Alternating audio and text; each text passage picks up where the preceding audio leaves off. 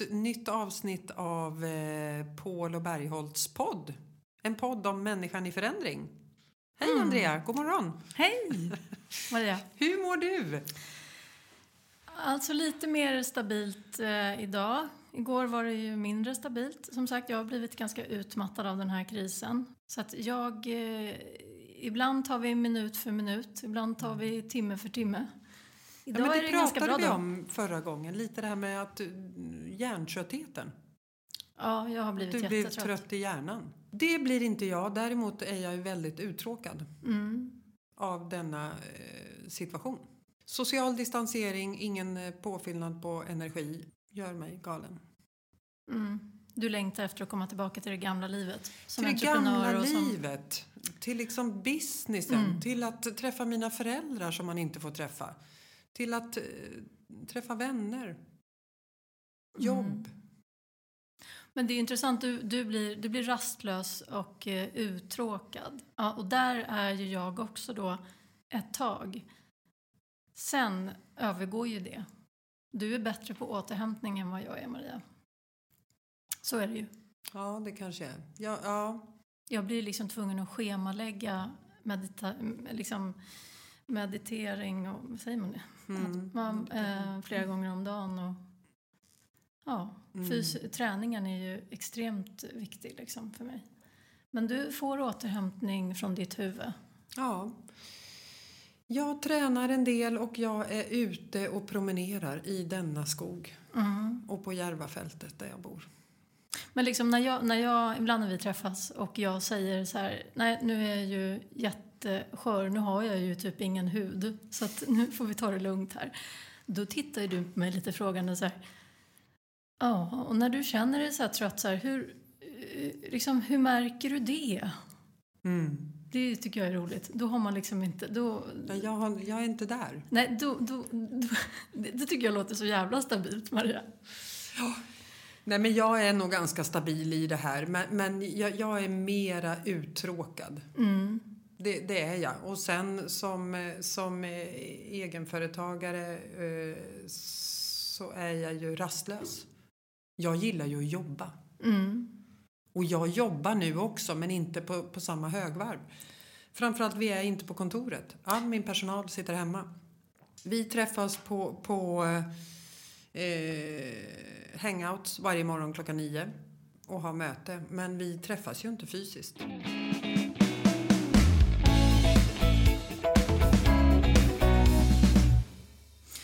Den här, för det, det är ju lite av en så här påtvingad förändring som vi håller på med just nu. Eh, men vad tycker, alltså, och då tänker jag så här, den kan ju vara positiv också för dig som ledare.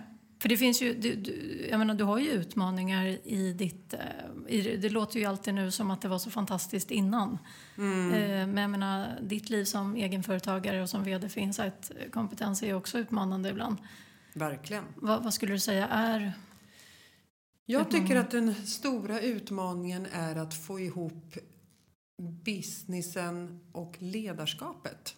För mig är, är liksom ledarskapet väldigt, väldigt viktigt. Mi- Min personal är det viktigaste jag har. Och för mig är det extremt viktigt att ta hand om dem, se till att de är eh, nöjda, glada, har lagom eh, med arbetsbelastning, tillfredsställda på alla möjliga fronter. Samtidigt som du är jag drivs ju av liksom affären. Kunderna, intäkterna. Det måste komma in eh, pengar i bolaget för att annars har vi inget bolag. Och den balansen tycker jag är hårfin ibland. Den är svår. Mm, vad får det för konsekvenser? Vad är det som är svårt? Att räcka till kan det ju vara. Och att man är ganska ensam på toppen.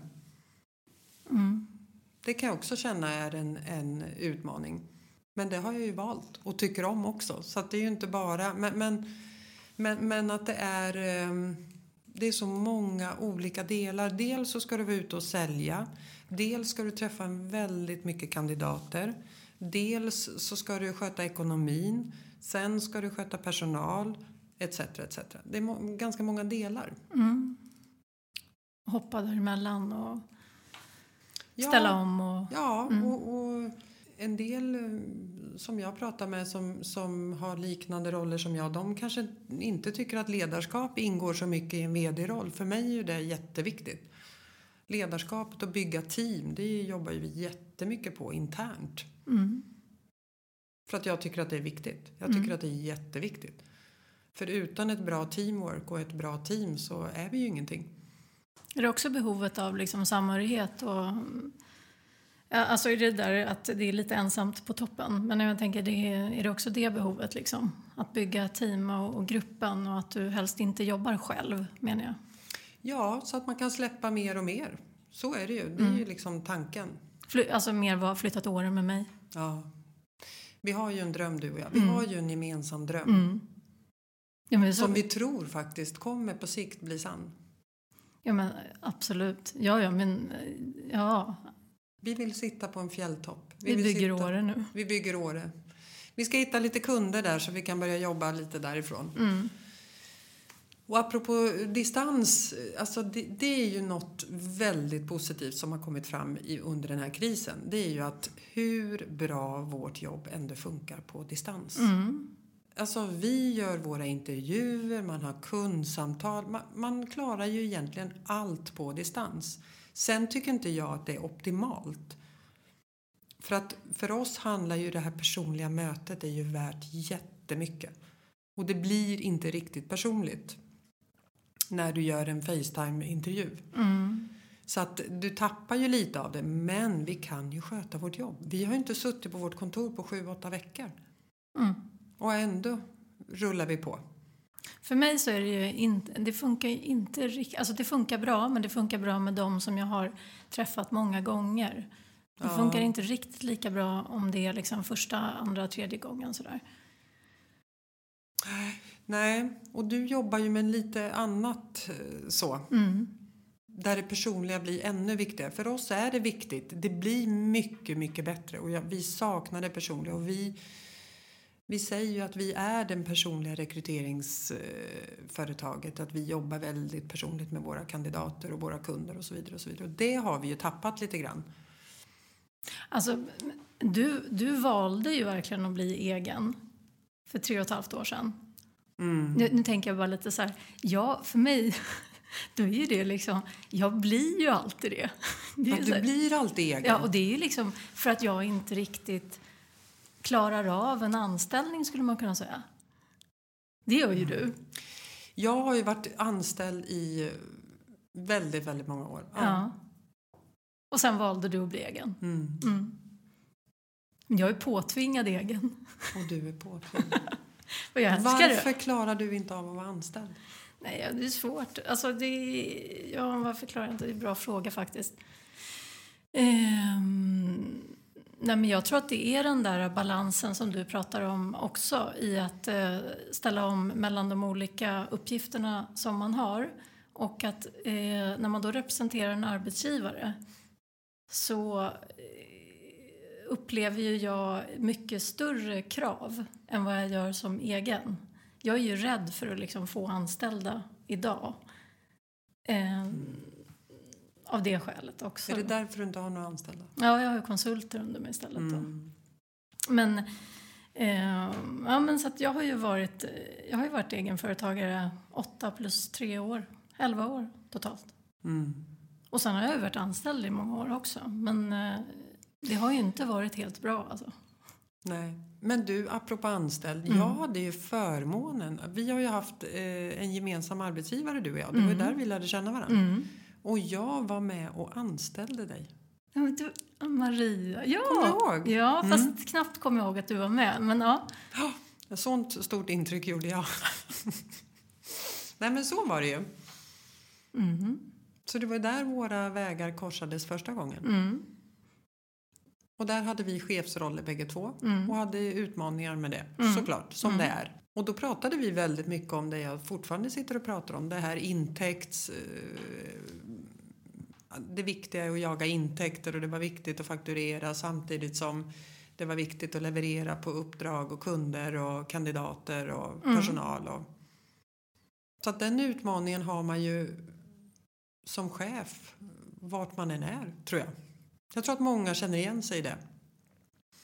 Att det är svårt att, att eh, Med tillräckligheten. Ja, att man hela tiden känner sig lite liksom, otillräcklig. Mm, men, och där, om man ska prata lite ledarskap så, så eh, tänker ju jag att där har det ju också blivit eh, nästan omöjligt att vara ledare. Det, det är mycket krav på ledare idag. Eh, tycker jag. Lite som att vara förälder. Ja. Alltså sådär, att, att eh, man, man, eh, man får inte bestämma speciellt mycket längre. Speciellt inte när man har tonårsbarn. Nej, men lite så här, man får inte bestämma så mycket och man ska vara väldigt lyhörd, inlyssnande och vara tillgänglig jämt. Eh, och så. Det, det, det är liksom omöjligt på något sätt att vara tillräcklig. Och jag, jag, jag jobbar ju ganska mycket med utmattning hos människor. Eh, och mycket handlar ju just om det här med otillräckligheten som man upplever. Jag tänker att liksom just det där med ledarskap, vad jag menar är att Eh, om man tittar på den här krisen och sådär och att man kommer behöva jobba ganska mer effektivt eller vara ganska lösningsorienterad och kanske förändra affären utifrån behov och sådär. Så, så det, det positiva det kan föra med sig, det tror jag kan vara det här med egna ansvaret. Att det kanske lite mindre hamnar hos ledaren för att ledaren blir tvungen att eh, hantera det som på riktigt gör skillnad. Vad är det som gör skillnad på riktigt? Ja, men det är affären på något sätt. Sen måste vi ju hantera våra medarbetare och som du är inne på att få människor att må bra och sådär. Men jag tror att det är väldigt mycket ofta ibland som landar på ledaren som inte behöver göra det.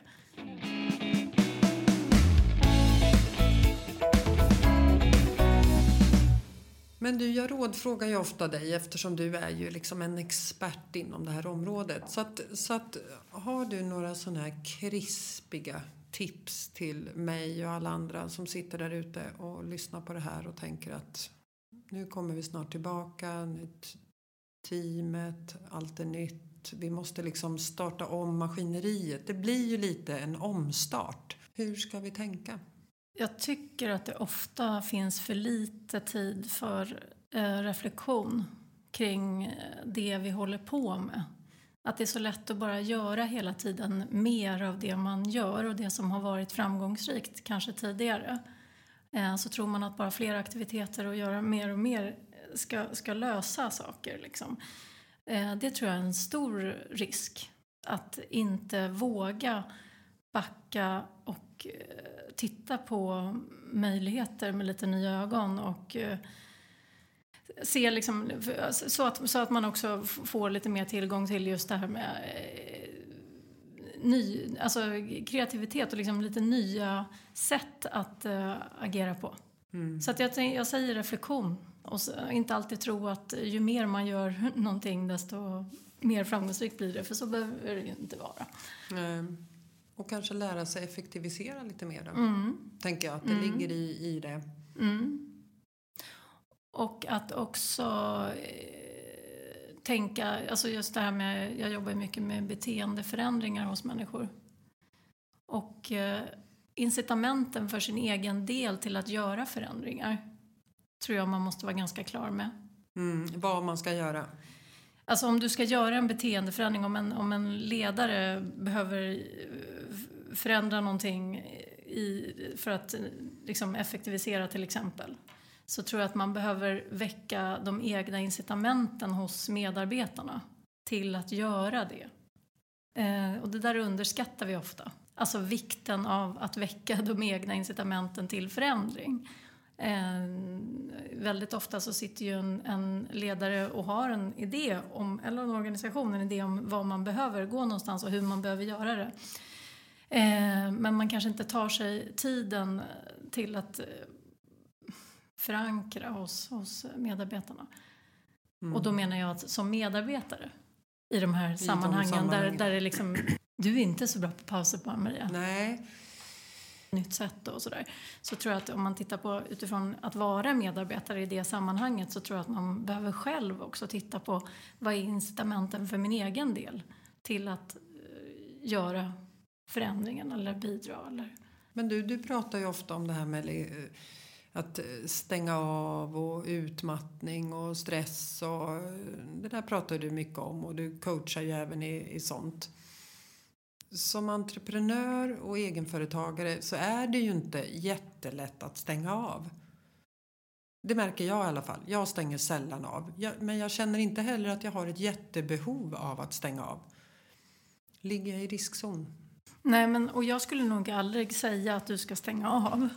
Men jag skulle säga att eh, avsätta tid för eh, avsätta tid för alla de där tankarna som behöver få finnas. Mm. Um, därför att annars finns det ju risk att de tar plats på nätterna istället till exempel. Nej, det är inget bra. Ja. Nej, men ofta liksom när man läser och, och hör allt från forskare till andra personer. De pratar mycket om att det är så viktigt att stänga av.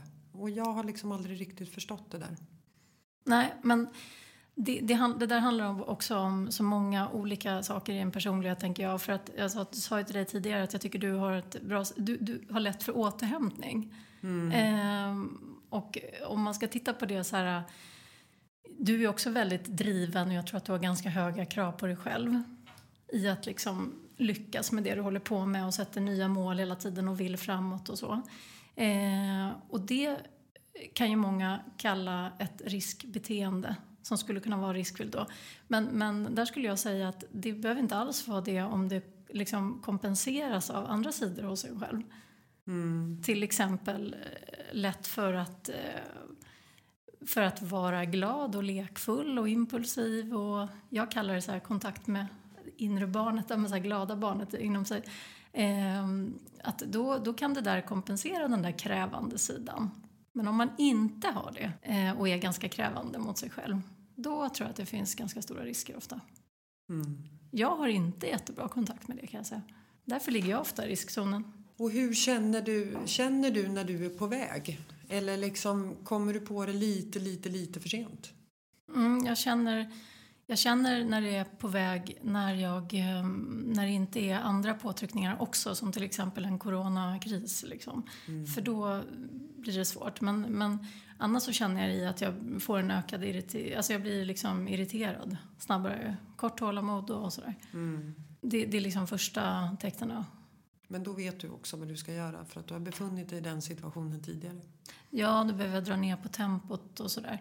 Och göra saker långsammare. Jag börjar ofta göra det jag ska göra långsammare och tar, lägger in mer tid för eh, planering och mer tid för det jag ska utföra. Eh, jag har ju varit väldigt snabb jämt. Mm. För snabb för mitt eget bästa liksom. För jag tappar ju också rätt mycket kontakt med vad jag känner. Eh, så att jag har behövt träna mig i att, i att eh, avsätta mer tid för att också hinna tänka, hinna känna efter och sådär. Så att det gör jag. Och då har jag märkt ganska positiva fördelar av det också. Apropå det här med att liksom hitta nya lösningar och bli faktiskt mer effektiv. Mm. Och kanske kreativ. Ja, Komma med verkligen. andra infallsvinklar och idéer. Mm, precis. Och sen, så att jag- har ju liksom mer så här börjat våga ta pauser och sådär. Det hjälper mig. Vi är väldigt olika, vi människor. Så är det ju. Jag, jag har inte jättebehov av att ta det lugnt och liksom ha en massa pauser. Utan jag drivs så mycket av den här affären jag håller på med. Så att jag, är, jag kan bli helt hög på den. Jo, men det måste ju också vara så att du har lätt till, till återhämtning på andra Absolut. sätt. Alltså, Absolut. för för mig bara maler ju liksom. Alltså, Nej, jag ju- kan nog stänga av. Jag stänger nog av. Alltså rent mentalt. Det, det, ja. Men jag får ju så mycket, liksom det jag får energi av det är ju jag får ju väldigt mycket energi av bolaget, affären, kunderna. Det är det som får mig att kicka igång.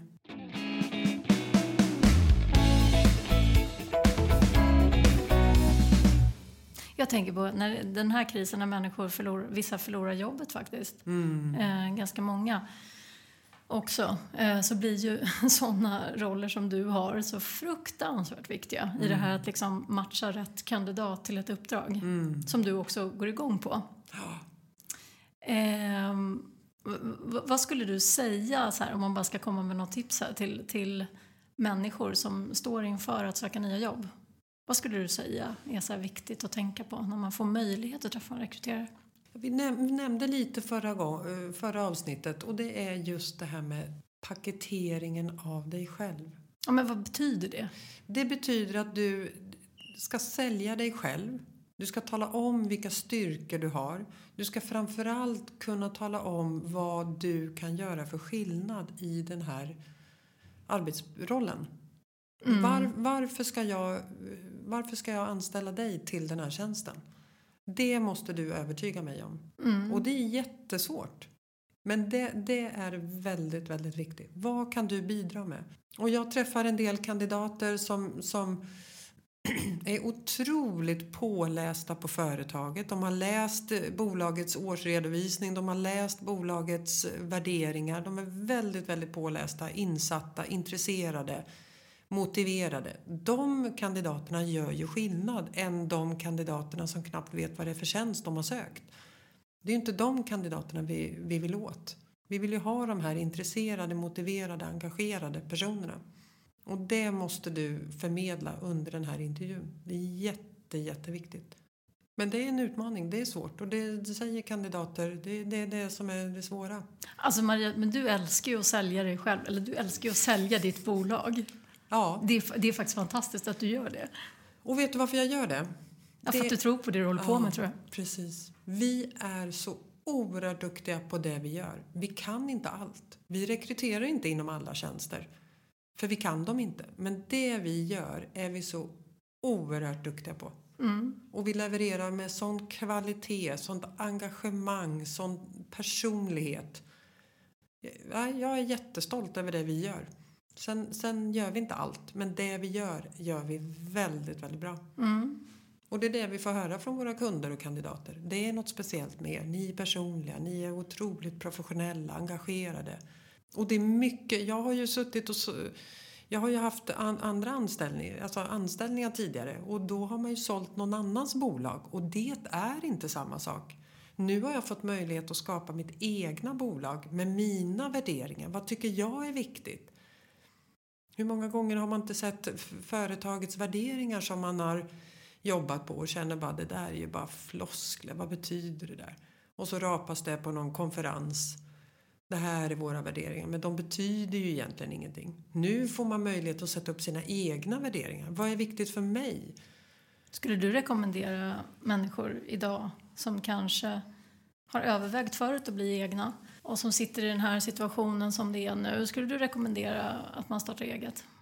Ja, så länge du har en, en affärsidé som du tror på så skulle jag det.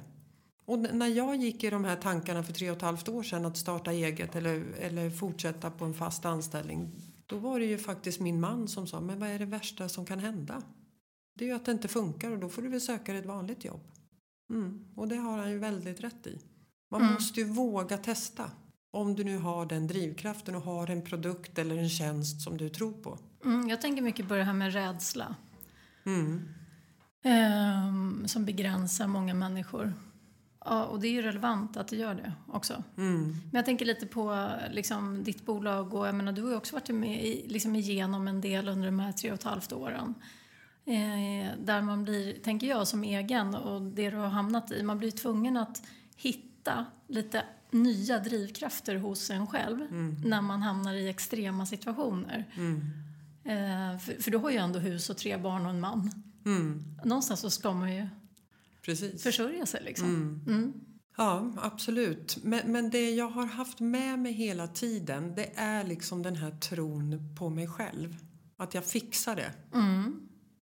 Och sen har det svajat ibland. Det har det gjort under de här tre, tre och ett halvt åren. Och då, då eh, kommer man ner lite djupare och tänker gud kommer jag klara det här? Kan jag verkligen det här? Men det är då jag tycker det är intressant det här med, apropå att paketera sig själv och sälja sig själv. När du säger så här, att man fixar det och att man har en tillit till sig själv. Det är där, jag, där har jag blivit tvungen att formulera för mig själv så här, i vilka sammanhang kan jag alltid lita på mig själv? Mm. Alltså vad vet jag att jag klarar av att leverera oavsett vad liksom? Mm. Vad har du för, vad skulle du säga är Maria Bergholtz där? Ja, men jag vet att jag är duktig på det jag gör. Jag vet att jag... Om du köper min tjänst så vet jag att du kommer bli nöjd. Jag vet det. Därför att du typ så här, du, du gör allt Ja, för att leverera. ja. Ja. Men då är ju... Jag har ju sålt produkter genom tidigare år som jag inte riktigt kanske tror på eller kanske inte rent av alltid har förstått till fullo. Mm. Då blir ju inte jag jätteduktig på att sälja den produkten för du måste ju tro på den själv. Mm. Och när jag säljer, säljer in mig själv eller min kollega att eh, min kollega ska ta det här uppdraget, då är jag så trygg i att vi kommer lösa det här. Så att jag kan sälja vad som helst. Men, men eh, nu och det vi står inför så Mm. är det ju också så att din egen business har ju varit liksom, den har varit framgångsrik Mm. sen du startade den. Och jag tänker att du också står inför eventuella förändringar. Absolut. Ja, vi har ju jätteutmaningar för att våra kunder köper ju inte längre. Mm. Det, ju, det är ju som att dra ner en rullgardin när det gäller rekrytering. Sen Mm. har ju vi två ben att stå på. Vi har ju också konsultaffären och det har ju varit vår räddning idag. Vi har ju 35 konsulter uthyrda på olika uppdrag. Vet du vad, jag träffar ju, men jag träffar ju ganska många människor eh, där det också kan vara vissa tveksamheter i om man vill ha kvar sitt jobb eller om man vill söka sig vidare och sådär. Då rekommenderar jag ofta konsultrollen faktiskt till människor. Hur, hur, för det är inte så många gånger man får möjlighet att testa Mm. lite olika jobb utan att knyta an så hårt. Mm. Precis. Eh, men faktiskt, alltså jag tycker ju det är briljant liksom. Ehm, så jag, jag, Det är briljant både för kunden skulle Mm. jag säga men också för, för eh, kandidaten Mm. eller konsulten. mm, Att du får möjlighet att prova olika eh, arbetsplatser, Mm. olika miljöer, olika tjänster, roller. Eh, det ser inte konstigt ut på CVt att du har hoppat runt för att du har varit konsult. Eh, och för kunden, att inte låsa fast dig. Ja, men vi testar Andrea i tre månader och ser om hon är den rätta. Och ibland leder det till fasta anställningar och ibland gör det inte. Men ja, det här gigekonomin, den kommer... Den har redan ökat markant senaste åren men efter den här krisen, jag tror inte att eh, man kommer anställa. Det är, det är inte det första du tänker på när du sätter igång här i höst. Men du behöver fortfarande ha någon som gör jobbet och då är konsultaffären, det är räddningen. Ja, men för många är det det. Men jag, och jag tänker just för, för som tips till personer som kanske har blivit, riskerar att bli av med jobbet eller har blivit av med jobbet. eh, Så, så jag skulle rekommendera att tänka lite mer kreativt också kring konsultrollen och Mm. möjligheterna med det faktiskt. Träffa Absolut. rekryterare som, som, som har kontakt med många kunder just eh, där konsultuppdrag. För Mm. att det kan ofta, ibland så kan det faktiskt vara lättare att få ett konsultuppdrag än att få en, alltså bli Mm. rekryterad. Och sen är det ju också det här att som jag upplever att många konsulter säger att det är lite svårt att sälja in sig själv.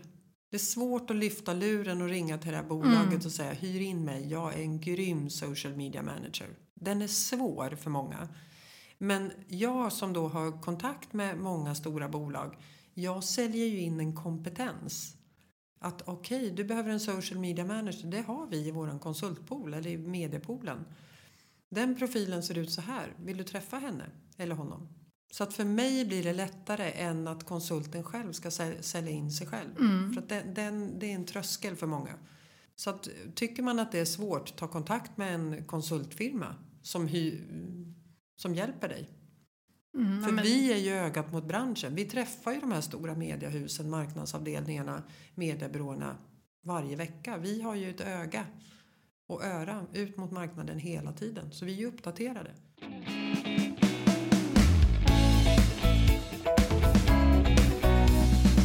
Nu ska jag säga någonting som är så himla viktigt i det här med att hantera förändring. Mm. Alltså, jag pratar mycket om det här med liksom skapa förutsättningar för att hantera förändring. Alltså egentligen, förändring handlar ju om liksom nyinlärning. Jag tänkte på dig där när du sa eh, kandidater att sälja in sig och svårigheten med det. Liksom. För det handlar mycket om att tänka nytt kring kanske det man har gjort och den kompetensen man har och sådär. Eh, Men alltså förutsättningar för nyinlärning, hur extremt viktigt det är med fysisk aktivitet. Ja. Alltså det är ju verkligen, alltså om man ska titta på den här tiden som kommer. Eh, där du någonstans behöver tänka nytt kring både vad man har gjort tidigare och kanske vad man ska någonstans och vad man vill och sådär. Eller vad man har möjlighet till. Eh, så, så, så, pratar jag mycket om det här med så här, vad, är, vad är det för förutsättningar som, som behövs liksom, för att underlätta förändring. Eh, fysisk aktivitet och eh, liksom, återhämtning är A och O alltså. Mm. Näring och vad man äter och sådär, absolut. Men jag skulle ändå sätta fysisk aktivitet och återhämtning som nummer ett. Slash två då. Slash två. ja, nej men verkligen. Och, vet du, nej men alltså, och anledningen är ju just att, att eh, eh, träning bidrar ju till att liksom du i större utsträckning bildar nya hjärnceller och nya kopplingar mellan hjärnceller.